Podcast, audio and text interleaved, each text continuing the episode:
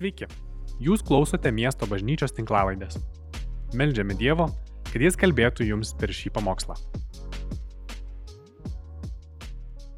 Sveiki, brangieji. Sveikinu Jūs šiuo adventiniu laikotarpiu ir besirošiant kalėdom, kada mes švenčiam mūsų viešpatės Jėzaus Kristaus gimimą. Mums taip svarbu turėti gerą biblinį žvilgsnį į tai, kas įvyko. Tikrai nesinori paklysti ginčiuose apie eglutes, pigliukus ir žaisliukus, bet kalbėti apie pačią esmę, kodėl Kristus atėjo. Ir na, šiam adventiniam laikotarpiu mes pamokslų ciklą pavadinom Jėzus taikos migrantas. Ir šita tema, kad Jėzus yra migrantas, jis yra tas mesijas, kuris atėjo iš dangaus į čia žemę, paliko savo savo vietą danguje ir atėjo gyventi čia tarp mūsų, yra viena pagrindinių Biblijos istorijos ir visų pagrindinių jų temų dalis - Jėzaus Kristaus gimimas, gyvenimas, mirtis ir prisikelimas bei dvasios dovana. Ir kai mes einam prie šventojo rašto, mums taip svarbu, kad na, mūsų širdis būtų Dievo žodžio įkveptos, kad šitas žodis tikrai taptų brangus mūsų širdžiai ir jis formuotų mūsų pasaulyje žiūrą. Nes šiandien tarp visų švenčių įvairiausių minčių yra tiek daug įvairiausių versijų, net kai kurie atsisako, atrodo, šiandien Europoje apskritai naudoti žodį kalėdos, nes tai kažką piktina. Bet mums tai yra vienas pagrindinių dalykų gyvenime, į kurį mes žvelgiame į mesijo ateimą. Apskritai, visas šventas raštas turim suprasti, kad jo pagrindinė mintis ir yra mesijo ateimas, gelbėto ateimas. Ir aš noriu su jumis būtent tai ir peržvelgti šiandieną ir pakalbėti apie tą Jėzaus migraciją, apie tai, kaip Jėzus persikėlė čia ir peržvelgti visą šventą raštą taip tiesiog vietomis, kad mes matytumėm tą bendrą vaizdą. Ir pradėsiu nuo tokių Jėzaus žodžių po prisikelimo Jėzus pasirodo dviem savo mokiniams ir kai jie eina keliu, Jėzus jiems tarė, čia Luko Evangelijos 24 skyrius, 44 eilutė sako, ar netokie buvo mano žodžiai, kuriuos jums kalbėjau dar būdamas su jumis. Turi išsipildyti visa, kas parašyta apie mane Mozės įstatymę, pranašuose ir psalmėse. Tada jis atvėrė jiems protą, kad jie suprastų raštus ir pasakė, parašyta, kad Kristus kenties ir trečią dieną prisikels iš numirusių ir pradedant nuo Jeruzalės jo vardu visoms tautoms bus skelbiama atgaila ir nuodėmių atleidimas. Taigi Jėzus mokiniams atveria protą suprasti raštus. Raštas yra um, tikrai mokslas, kurio na, reikia siekti ir jis trunka visą gyvenimą. Žvelgimas į Bibliją na, reikalauja laiko atsidavimo ir negalime jį tik pažvelgti taip trumpai užmetus akį ir galvoti, kad aš čia viską suprasiu. Taip kaip ir kvantinės fizikos negali paskaitęs vieną straipsnį suprasti, taip ir šio pasaulio istorijos, jo atsiradimo, jo, jo esmės, jo prasmės atsiradimo mes nesuprasim va taip. Bet šiandieną noriu Jums na, tokią apžvalgą duoti ir tie, kurie esate nauji tikėjime, kad Jūs suprastumėte tą Biblijos esmę, kaip viskas sukasi apie Mesiją. Ir čia Jėzus sako, kad turi išsipildyti visa, kas parašyta apie mane Mozės įstatymė, tai yra penkiaknygiai pranašuose, kur turim visus pranašų raštus ir psalmėse. Tai yra visas tas senasis testamentas. Naujojo testamento štai mes turim tiek, senojo tiek, tai yra žydų šventraštis, čia yra krikščionių visas šventraštis senasis ir naujasis testamentas. Ir Jėzus sako, kad tas liudėjimas apie jį buvo užrašytas ir penkiaknygiai, kad penkiaknygė kalba apie jo ateimą. Pranašai kalba apie jo ateimą. Psalmėse kalbam apie jo ateimą. Ir Jėzus sako, aš esu tas, kuris atėjau, aš turėjau kentėti, numirti, ir prisikelti. Taigi visas šventas raštas, visa Biblijos istorija ir visos jos pagrindinės temos sukasi būtent apie tai. Mes skaitome pačioj pradžioje, kad Dievas sukūrė žmogų. Adomą ir Jėvą sukūrė iš meilės pagal savo atvaizdą ir pavydalą. Jis sukūrė juos, vyrą ir moterį, kad jie turėtų bendrystę su tėvu, sunumi ir šventąją dvasę. Tai yra meilės veiksmas. Dievas davė jiems namus, Edeno sodą, visą šią planetą. Iš tiesų sako, dauginkitės, prižiūrėkite ją, tvarkykite ją, čia yra jūsų namai. Bet jau pačioj pradžioj mes matom, kaip ateina gundimas į žmogaus gyvenimą ir jo pasirinkimas yra išbandytas. Ateina gundytojas ir sako, kad Dievas nėra tai, kas jis sako, kad jis yra. Um, jis turi ir kitų kėslų.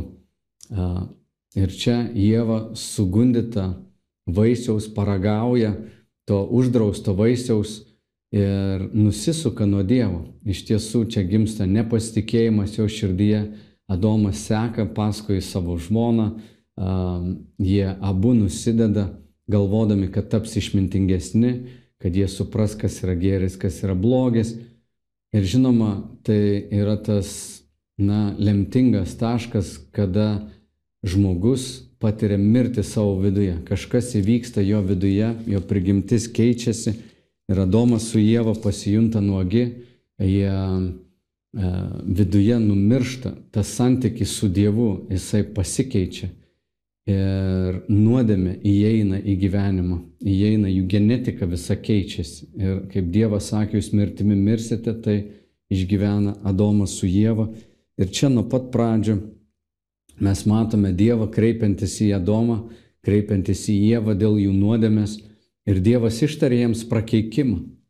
Ir jis pasako tame prakeikime, kad e, Jėva turės gimdyti skausmuose, ją trauks prie jos vyro, vyras ją valdys, e, Adomas turės sunkiai dirbti žemę. Bet taip pat Dievas ištarė, na, žodžius gyvatėjai arba tam piktajam, kuris atėjo gundyti. Ir jis sako, kad aš sukelsiu priešiškumą tarp tavęs ir moters, tarp tavo sėklos ir moters sėklos. Jis sutryps Jis sutryps, e, sutrins tau galvą, o tu gelsi jai į kulnį. Tai yra pirmoji tokia pranašystė apie Mesiją, kad gimęs iš moters sutraiškis gyvatė galvą. Žinoma, čia nekalbama apie gyvatę kaip gyvūną, bet kalbama apie tą blogį, apie šetoną, dvasinę būtybę, kuri atėjo gundyti. Ir jo jėga, to gundytojo jėga bus su, sulaužyta. Ir čia yra pirmoji pranašystė, kada kalbama apie uh, moters sėklos arba žmogaus gimusio iš moters galę sutraiškyti piktajam galvą. Tai yra pirmoji pranašystė apie Mesiją. Tai kai Jėzus sako, Mozės įstatymę pasakyta penkiaknygėje, Tanach hebrajų kalboje, Dievo įstatymė duotam yra parašyta apie Jėzų. Ir mes matome, na, tas pirmasis pranašystės ir iš karto po to prakeikimo Dievas išvaro Adomą iš Edeno sodo. Tai yra, na, pirmoji tragedija, kada žmogus praranda namus. Nuodėmė atskiria jį nuo tėvo, nuo tos bendrystės, nuo tos meilės.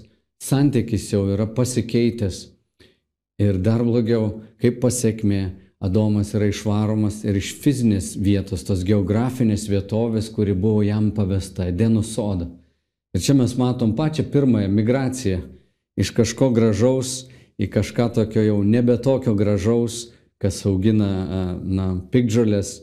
Ir tai yra toks paveikslas, kad žemėje šitoje laukia vargas, laukia nepageidaujamas, na, nuostolis, su kuriuo reiks visada kovoti. Adomas ir Jėva išeina iš tos gražios vietos, kurią Dievas buvo paruošęs ir jie išeina tokie vieniši, jie išeina tokie atitrūkę. Ir mes matom tą žmogaus degradaciją arba nuosmukį netgi pirmoji kartoje, prasideda net žmogžudystės, atsiskirimai, susiskaldimai. Ir pati pradžios knyga, na, jinai jau yra pilna tokia pažymėta nuodėmės ir įvairiausių nuostolių. Dvyliktame skyriuje mes matome pokytį. Godomas buvo išvarytas iš to Edeno sodo. Dvyliktame skyriuje mes skaitome apie Abraomą. Ir tai yra kertiniai momentai, kuriuos aš noriu paminėti dabar, kad mes matytumėm, kur Kristaus tas apsireiškimas yra matomas Senajame testamente, kad suprastumėm pačią uh, Kalėdų prasme, Kristaus gimimo prasme. Taigi 12 skyriuje skaitome, kad viešpats tarė Abromui, palik savo šalį, giminės, tėvų namus ir eik į kraštą, kurį tau parodysiu. Aš padarysiu tave didelę tautą, tave laiminsiu ir padarysiu tavo vardą garsu ir tu būsi palaiminimu. Aš laiminsiu tuos, kurie tave laimina ir prakeiksiu tuos, kurie tave keikia ir tavyje bus palaimintos viso žemės giminės. Taigi čia Dievas įsikiša į Abromo gyvenimą ir Abromas yra tas pirmasis žydų tautos atstovas, kuriam Dievas sako, palik savo saugią aplinką, savo saugią vietą, savo tėvo namus ir keliauk į kraštą, kurį aš tau parodysiu. Ir tai bus vieta, kurioje aš noriu tave įtvirtinti, įsteigti naują valstybę, naują vietą, kurioje aš pats viešpatausiu. Tai bus kraštas, kuris teka, kaip tuo metu vadindavo, pienu ir medumi. Tai yra apstybės kraštas. Ir Abraomas patikė Dievu, jo pažadu ir tas jo patikėjimas Dievo vedimu įskaitomas jam teisumu. Ir Abraomas išeina iš tos žemės. Vėliau 22 skyriuje mes matome užtvirtinimą vėlgi tų pačių pažadų. Ir Dievas sako, aš laimintę tave palaiminsiu ir daugintę padauginsiu tavo palikonis, kad jų bus kaip žvaigždžių danguje ir kaip smilčių jūros pakrantėje. Tavo palikonis užims vis savo priešų vartus ir tavo palikonise bus palaimintos visos žemės tautos dėl to, kad paklausėjai mano balso. Adomas nepaklausė Dievo balso, Abromas yra tas, kuris klauso Dievo balso, dėl to, kad jis jo klauso, kad pasitikė Dievu, išeina į nežinę, jis migruoja iš vienos vietos į kitą, tikėdamas, kad Dievas jam paruošia kitus namus. Dievas sako, aš tave laiminsiu, laiminsiu, laiminsiu. Ir laiškė Galatams apaštalas Paulius, jis interpretuoja tos pažadus ir sako, pažvelkite, pažvelkite, kas įvyko, ką Dievas darė per Abromo gyvenimą. Jis sako, pažadai buvo duoti Abromui ir jo palikoniui. Jis nesako ir palikonims, nedaugeliu, bet kaip apie vieną ir tavo palikoniui, kuris yra Kristus. Jis kalba apie tai, kad iš Abromo gims tauta, galiausiai iš tos šaknies per judo giminę ateis tas, kuris, apie kurį na, pranašai kalba. Žodžiu, ateina tas, kuri, kuriame bus palaimintos visos tautos. Ir e, paštalas Paulius sako, tai yra Kristus. Tas palikonis, kuris turi kilti iš Abraomo, yra Kristus. Ir Kristus pagal kūną taip ir gimė. Dovydas vėliau irgi toj pačioj linijoje iš Abromo giminės, ar ne, einant toliau, jis uh, yra dar kitas tas provaizdis Kristaus, žmogus pagal Dievo širdį. Ir kartą Dovido gyvenime, kai jis jau karaliavo, jis pasistatė labai prabangius namus ir jis nusprendžia savo širdyje, kaip čia dabar, aš gyvenu tokiuose geruose namuose, reikia Dievui pastatyti namus. Jis įsirengė fantastinio grožio a, savo rūmus ir viešpats apsireiškia jam, ateina pranašas Natanas Ir jis ištarė tokius žodžius antroji Samuelio knygoje, septintame skyriuje. Skaitome tokius žodžius. Natanas ateina ir sako, todėl pasakyk mano tarnui Dovydui, aš tave paėmiau iš ganyklos nuo avių, kad būtum vadas mano tautai Izraeliui. Aš buvau su tavimi visur, kur tu ėjai, išnaikinau visus tavo priešus tavo akise ir padariau tavo vardą garsų kaip žemės didžiūnų vardą. Aš paskirsiu vietą savo tautai Izraeliui ir jį įsodinsiu, kad jis gyventų savo vietoje ir nebeklajotų, ir nedarybės vaikai nevargintų jo kaip iki šiol. Čia yra pažadas vėl apie tą žemę, kad jie turės savo valstybę, kad Dievo išrinkta tauta turės savo vietą, būtų nevarginami. Nuo to laiko, kai sakiau teisėjams valdyti mano tautą Izraelį, aš suteiksiu tau ramybę nuo visų tavo priešų. Be to viešpat sako tau, kad jis įkurs tau namus. Čia truputį ironiškai taip skamba, Dovydas ateina, sako, Dieve, aš tau padarysiu namus, aš noriu kažką pastatyti, o Dievas sako, ne, aš tau namus įkursiu.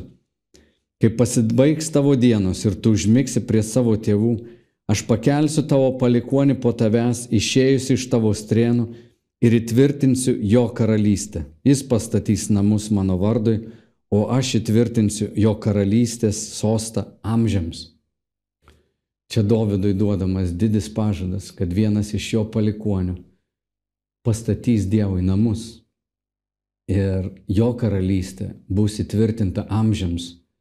Įsivaizduokit pažadą, Dovydas girdi, kad vienas iš jo palikonių turės karalystę, kuri nesibaigs. Ir tai jau pranoksta na, nat, natūraliai tą erdvę arba istorijos tiekmę.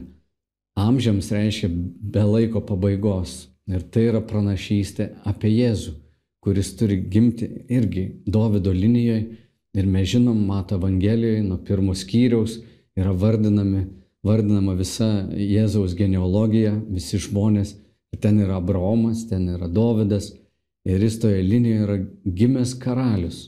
Um, taigi Davidui duodamas didis pažadas, kad kai jis užmigs, Ir turbūt karaliui didžiausias pasimėgimas žinoti, kad po jo ateina tas, kuris viešpataus per amžius.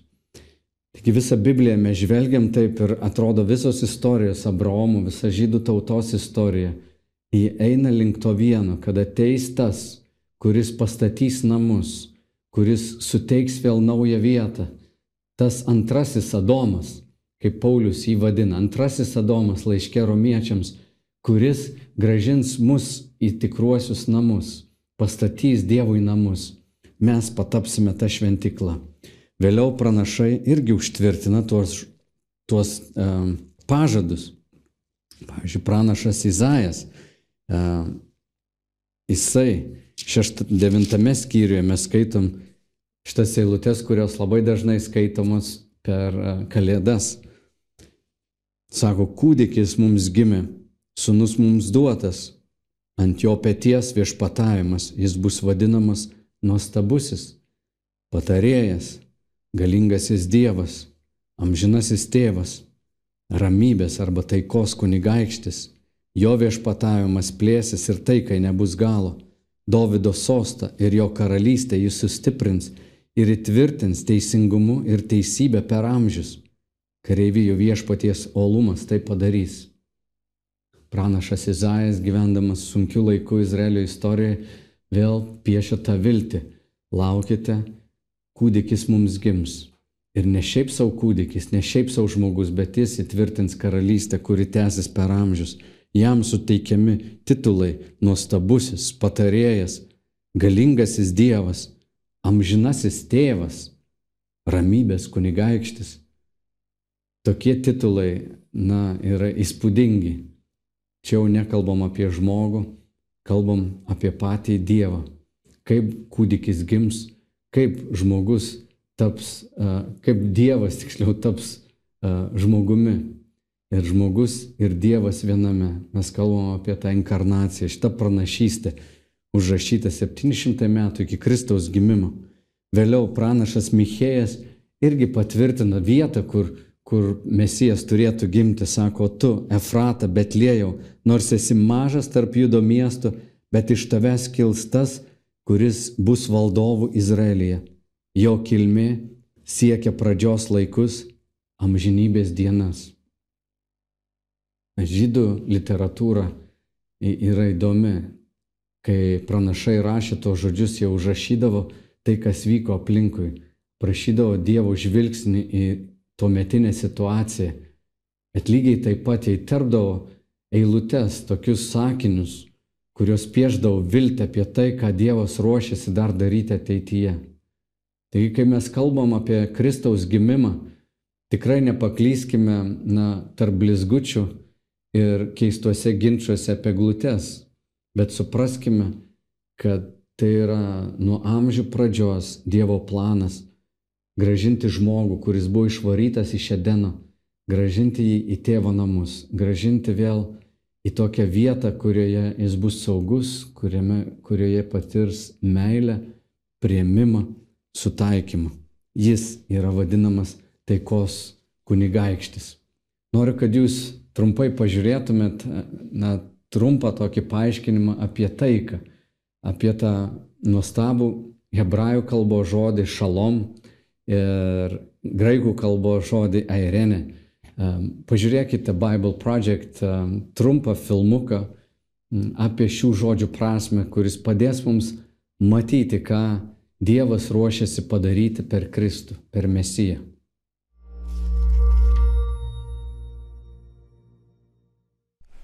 Žodį taika rasite visose kalbose. Minimos taikos sutartys, ramybės laikas. Taika paprastai reiškia laiką, kai nekariaujama. Biblijoje taika irgi gali tą reikšti, bet paprastai taip nusakoma kai kas geriau. Senajame testamente aptinkame hebrajų kalbos žodį šalom, o naujajame testamente graikų kalbos žodį eirenė. Šalom reiškia sveikas arba visas. Pavyzdžiui, sveikas neįskilęs akmuo arba siena be jokių spragų ir kiaurymių. Šalom reiškia sudėtingą, bet užbaigtą vientisą darinį. Jobas sako, kad jo palapinės yra šalom, nes suskaičiavo avis ir ne vienos netrūko. Štai kodėl šalom nusako ir žmogaus gerovę. Aplankęs brolius mūšio laukia Dovydas pasiteiravo apie jų šalom. Mintis tokia - gyvenimas sudėtingas, jame daug kas kinta, santykiai ir aplinkybės. Kai kas nors kliba ar ko nors stinga, šalom griūva. Gyvenimas netenka vientisumo. Jį būtina atkurti, atstatyti. Išvertus pažodžiui, atnešti šalom reiškia atkurti arba atstatyti. Saliamonas atneša šalom šventyklai, kai pagaliau ją užbaigia. Arba jei gyvulys nuniokoja kaiminės laukus, tau tenka su jie sudaryti šalom, sumokėti už nuostolius, duodi tai, ko trūksta, atkuri. Tas pats sakoma ir apie santykius. Patarlių knygoje santykių atkūrimas irgi vadinamas šalom ateimu. O kai priešų karalystės sudaro šalom, Biblijoje tai reiškia, kad jos ne tik liaujasi kariauti, bet ir nuveikia ką nors viena kitos naudai. Izraelio karaliai kaip tik ir turėjo palaikyti tokią taiką, bet ne visuomet tą darė. Izaijas pranašavo apie būsimą šalom kunigaikštį, kurio karalystė atneš nesibaigiančią šalom. Dievas sudarys šalom sandorą su savo tauta ir atkurs visą, kas sudužę ir pakrikę. Štai kodėl Jėzaus gimimas vadinamas Eirenė ateimu. Graikiškai tai reiškia taiką ir ramybę. Jėzus suteikė ramybę. Jis pasakė, savo ramybę duodu jums. Apaštalai skelbė, kad Jėzus susimovusius žmonės sutaikino su Dievu, mirdamas ir prisikeldamas iš numirusių. Tai reiškia, kad jis atkūrė nutrūkusi ryšį tarp žmogaus ir kurėjo. Todėl apaštalas Paulius sako, kad Jėzus yra mūsų eirenė. Jis buvo pilnutinis vientisas žmogus. Ir mes esame sukurti būti tokie, bet mums nepavyksta, tačiau jis dovanoja savo gyvenimą. Tai reiškia, kad Jėzaus sekėjai pašaukti nešti taiką ir ramybę. Paulius prisakė bažnyčioms palaikyti vienybę taikos ryšiais. Tam reikia nuolankumo, kantrybės, pakantumo ir meilės. Tapti taikos nešėjų - tai dalyvauti Jėzaus gyvenime. Visa, kas yra žemėje ir danguje, jis sutaikino savo mirtimi ir prisikėlimu. Dėl taikos reikia sunkiai dirbti, taika ne tik konflikto nebuvimas. Tikra taika, kai imi tai, kas sugriauta ir atstatai, ar kalbėtume apie savo gyvenimą, ar apie santykius, ar apie pasaulį. Štai kiek prasmių turi žodis, kurį verčiame taika arba ramybė.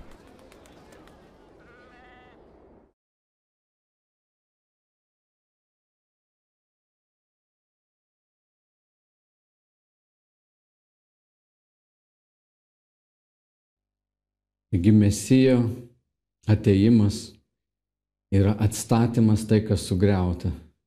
Ten, kur Adomas, nesuprasdamas pasiekmių nuodėmės, nusikalto ir mirtimi mirė ir buvo išvarytas, pats patapo klajokliu, tokiu bastūnu, kuris, na, nuodėmės ištiktas, klajoja po šią žemę. Kristaus ateimas rodo mums tą Dievo nuostabų planą, kad Jis, kuris ateina iš dangaus čia į žemę, e, žodis tapęs kūnu, kuris apsigyvena tarp mūsų, atneša taiką ir atstato tai, ko trūksta. Sudėlioja tas plytas mumise, kurios buvo ištam, ištampytos, iš, išlaužytos. Ir jis yra kaip laiškė kolosiečiams, apie jį apaštalas sako, nes tėvui patiko apgyvendinti jame visą pilnatvę ir per jį visą sutaikyti su savimi, darant jo kryžiaus kraujų taiką, per jį sutaikyti visą, kas yra žemėje ir danguje. Čia nuostabų žodžiai - daryti taiką, atnešti tą šalom, atnešti šalom visiems pasiklydusiem, visiems išblaškytiem, nuodėmės atskirtiem vieni nuo kitų, atnešti sutaikymą, atnešti Dievo šalom. Ir čia tas nuostabus pažadas, kurį mes turim, apaštalas Paulius užrašė laiškė korintiečiams, antrame laiškė korintiečiams penktas skyrius. Jisai kalba, kad mes irgi, kol esam čia kūne, sako, mes esam atitolę nuo viešpaties. Mes gyvenam tikėjimu. Mes, jis taip prašo, nežinau, kiek iš mūsų taip jaučiame, sako, aš trokštu, arba sako, mes trokštame nusivilkti šitą rūbą.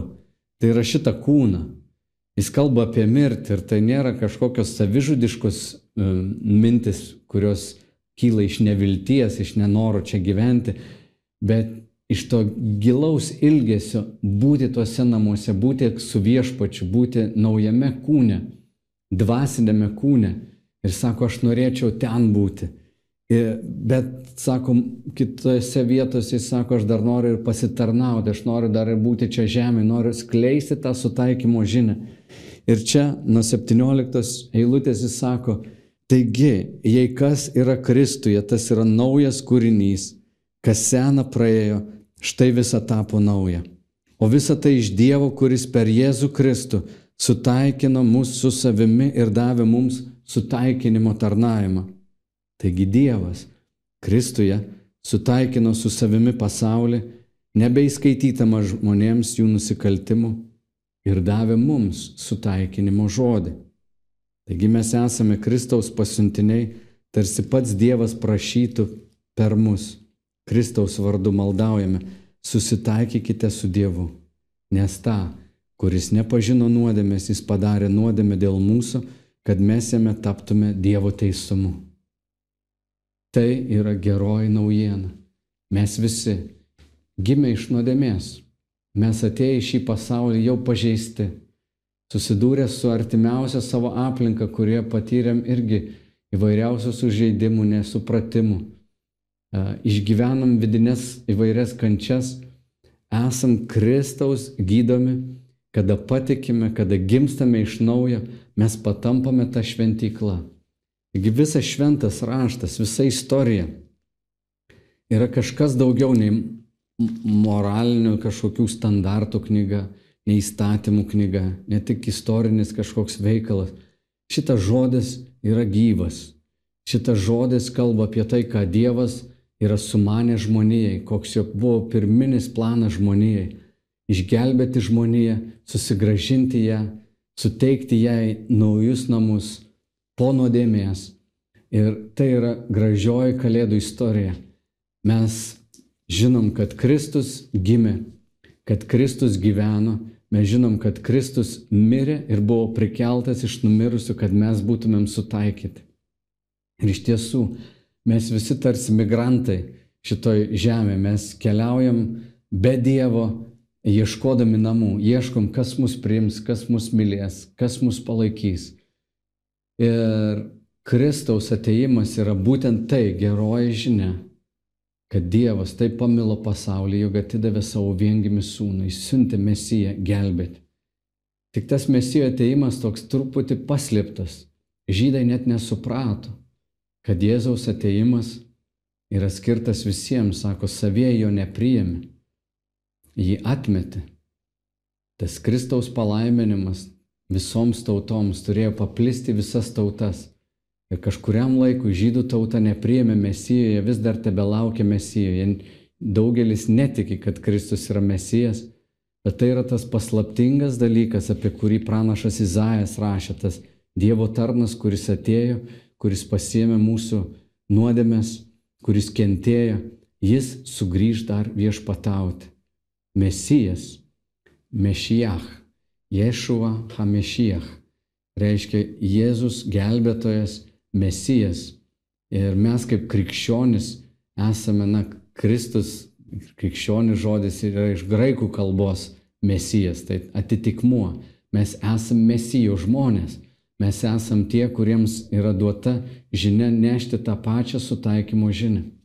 Tai, kad mes neverti buvom priimti į Dievo namus, kad Kristaus tas pirmasis ateimas atnešė mums sutaikymą ir mes dabar gyvenam laukdami tos dienos, kada Kristus vėl sugrįž ir jis sugrįž įtvirtinti teisingumą, jis sugrįž dar viešpatauti. Tai, ko žydai laukia, tai dar įvyks ir tai yra mūsų viltis taip pat. Bet mes žinom, kad numirę mes stosim prieš Dievą, mes būsim jo akivaizdai. O Mesijas, jis yra pradžia ir pabaiga. Apie jį yra viskas nuo pradžių. Nuo pradžios knygos trečios skyriaus penkioliktos eilutės, kur pasakyta, kad jis sutryps šetonui galvą. Um, Ir jis tai padarė ant kryžiaus, prisimdamas mūsų nuodėmės, jis sunaikino mirtį ant kryžiaus. Kai prisikėlė, mirtis buvo nugalėta ir kiekvienas, kuris šiandien įtiki tą gerąją naujieną, jis nebepatirs mirties, jis nebebus atskirtas nuo Dievo, nepatirs antrosios mirties. Kai fizinis kūnas mirs, dvasinis kūnas bus prikeltas ir susijungs su Kristumi, susijungs su tėvu ir šventąją dvasia amžinybėje Tai yra geroji naujiena. Bet Kristus dar ir čia viešpataus. Taigi pačioj pradžioj, pirm, pirmose skyriuose mes skaitom apie Kristų. Jį liudyja pranašai. Ir pačioj pabaigoje, prieiškimo knygoje pasakyta, 22 skyriuje, štai aš veikiai ateinu ir mano atlygis su manimi, kad kiekvienam atlyginčiau pagal jo darbus. Aš esu alfa ir omega, pradžia ir pabaiga pirmasis ir paskutinysis. Palaiminti, kurie vykdo jo įsakymus, kad įgytų teisę į gyvenimo medį ir galėtų įžengti pro vartus į miestą. O laukia lieka šunis, burtininkai, ištvirkeliai, žudikai, stabmeldžiai ir visi, kurie mėgsta melą ir jį daro. Aš, Jėzus, pasiunčiau savo angelą jums tai paliudyti apie bažnyčias. Aš esu Dovido šaknis ir palikuonis žėrinti aušrinė žvaigždė ir dvasia ir sužadėti nekviečia ateik ir kas girdi te atsiliepia ateik ir kas trokšta te ateina ir kas nori te sisėmė dovanai gyvenimo vandens. Tai yra geroji naujiena visam pasauliu. Mes esam tie taikdariai. Jėzus yra tas taikos migrantas, atėjęs iš dangaus į žemę atnešti Dievo taiką. Jis davė mum tą pačią žinę. Per šitą advento laikotarpį te būna širdis mūsų pripildytos prisikėlimo viltimi, sutaikymo viltimi, kad galėtume pasakoti ir kitiem, kad visa esmė nedovanėlėse, visa esmė ne mūsų patiekaluose ant stalo, visa esmė nuo pat pradžių šventame rašte užrašyta tiesa. Dievas nori duoti mums tikruosius namus. Ir mes esame tie, kurie nešam Dievo gailestingumą ir sutaikymą į visus namus. Kristaus malonė te būna su mumis viešpatie, Jėzau palaimink, kad šitos kalėdos taptų sugrįžimu daugeliui. Kad ir mes, kurie gavome tą žinią, būtumėm drąsus skelbti tavo Evangeliją, tavo gerąją naujieną, kad tie, kurie patikėjęs Kristau, kad tu esi Mesijas, kad tu atėjai, kad tu mirėjai, prisikėlai. Tu esi tas, kuris suteikia gyvenimą po mirties. Tu esi nuostabus taikos kunigaikštis. Mes garbinam tave ir laiminam tavo šventą vardą. Amen. Ačiū, kad klausėte. Daugiau informacijos rasite mūsų svetainėje miestobažnyčia.lt arba Facebook, Instagram ir YouTube paskiruose.